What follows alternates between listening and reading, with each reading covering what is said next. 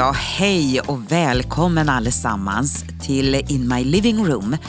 Jag heter Eleonora Lahti och jag brukar läsa ifrån min blogg den här stunden som jag har på radion. Idag ska vi röra oss lite granna kring det här med jultiden som vi är mitt uppe i, adventstiden. Men eh, nu har vi ju Lucia runt hörnet.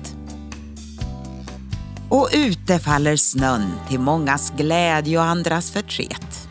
Det kan ställa till bekymmer i trafiken och i flyget och allt det här. Men visst njuter vi ändå utav att eh, få tända lite ljus och adventsstjärnor och adventsljusstakar lyser i fönstren.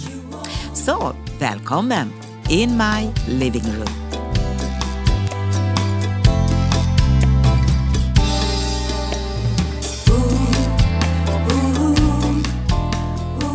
Lucia och Chanukka.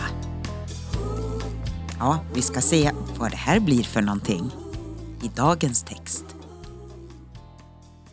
Så är det då dags för Lucia. Och kanske du brukar se på TV eller ha besök av en Lucia till och med och tärnor, tomtenissar och pepparkaksgubbar på ditt jobb. Ja, varje år vid samma tid. Våra traditioner och ännu ett varv runt solen. Själv minns jag när jag var med i skolans uttagning av Lucia på högstadiet. Det blev Karin, en lång, stilig tjej som blev skolans Lucia. Och jag med mina 153 centimeter hamnade bland tärnorna. Många år senare blev jag involverad i ett Lucia-tåg men nu som körledare. Det var i Israel på Svenska teologiska institutet. När man bor utomlands är det alltid så roligt att träffa andra svenskar så vi var där på besök under vårt första år. Och nästa år, ja då var vi deltagare.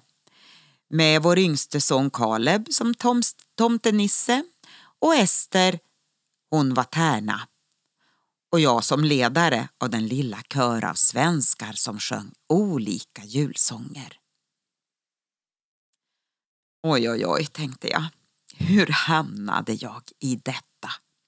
De skulle bara se mig där hemma på Livets Ord.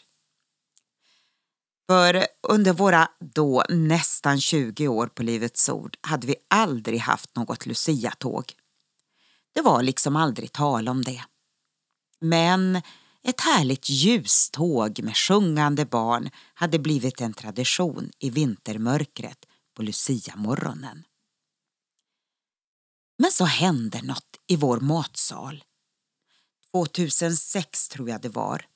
Och ett Lucia-tåg från gymnasiet kommer in och sjunger för våra högstadieelever. Och ja, jag satt där lite chockad och undrade. Men får vi göra så här? Ja, nu är jag kanske ute på lite ja, hal is, men jag är på väg åt ett litet annat håll nu, mitt i resonemanget. Så vi fortsätter. Det finns en högtid som vi inte har kunskap om och vi inte känner till så mycket kring, men en högtid som Jesus vandrade hela vägen från Galileen till Jerusalem för att fira, mitt i vintern. Chanukka, vinterhögtiden, en ljushögtid.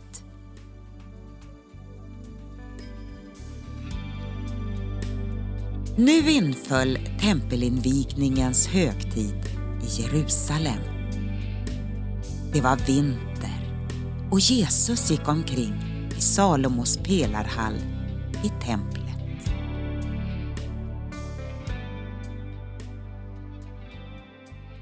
Bakgrunden till den tidsmässigt det är att ett stort under hände mitt emellan gamla och nya testamentets epoker. Efter 400 år får Israel tillbaka sin självständighet. Man har genomlevt en tid av hellenistiska krafter som försökt tillintetgöra Herrens ord genom att pressa på grekiskt tänkande, seder och bruk. Man var förbjuden att fira sina högtider och en Zeus-staty sattes upp i templet och en gris offrades på altaret. Nu var måttet rågat och man startade ett uppror och vann en helt övernaturlig seger. Efter denna tid av förföljelse kan man nu fira segern, att man återfått sitt tempel och sin frihet. Längtan till templet, ja, den var så stark att man, fastän man bara hade olja tillräckligt för en dag, ändå tände den stora minoran. Eller minoran. Och ljuset, det skulle inte få slockna. Då och där gjorde Gud ett under. Fastän det skulle ta åtta dagar att få fram mera olja räckte den olja man hade i åtta dagar. Jesus firade detta mirakel tillsammans med sina landsmän och firandet, ja det fortsätter i vår tid. Om inte det här hade hänt, ja allt finns profeterat om det i Daniels bok kapitel 8 och kapitel 11, att det skulle ske.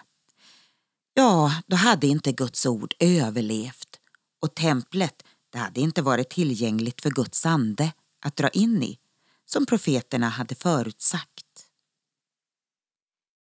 I min värld känns nu Lucia väldigt avlägsen. Men ja, det ena behöver kanske inte utesluta det andra men eh, tänk om vi kunde förstå denna ljusets högtid. Med Jesus som proklamerar att han är världens ljus. Chanukka, en viktig historisk vändpunkt för Messias ankomst. Så sitter jag här med ett och annat av traditioner och rutiner som läggs till i mitt liv. Mer eller mindre väsentligt. Ja, min vana att ha en speciell kaffekopp som jag vill dricka mitt morgonkaffe ur. Och tomtefamiljen som pryder sin plats på fönsterbrädan vid jultid. Ja, den var den sista julklappen jag fick av min pappa innan han dog. Och då var jag nio år. Andra traditioner har jag valt bort, som till exempel cigarröken på jul. Ja, det var så att min farfar, han rökte alltid en cigarr till jul. Men bara då. Och det blev en tradition som min far tog med sig till mitt hem som barn även om han bara lät den ligga och pyra. Det finns många gränslandskap av traditioner och de bär med sig minnen och ger oss hållpunkter i tillvaron.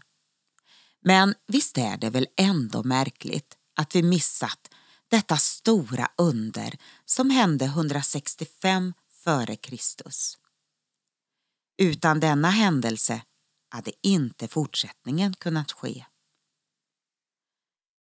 Och själv funderar jag på vilka högtider som är just detta, traditioner. Och vilka är högtider som har en bärkraft och ett budskap in i mitt liv. Ja, högtider som Jesus firade. Chanukka, tempelinvigningen, där orenhet, världsligt tänkesätt och företeelser rensas ut, så undret kan ske och ljuset lyser. Ja, det här året när jag skrev det här då började chanukka-firandet på julafton och nu i år är det ungefär här vid Lucia-tid som det börjar. I åtta dagar tänder man ljus. Ett nytt ljus för varje dag. Och det här, det är så intressant. Det finns ett sånt djup i det Gud gör att vi vill inte missa poängen utav det som sker.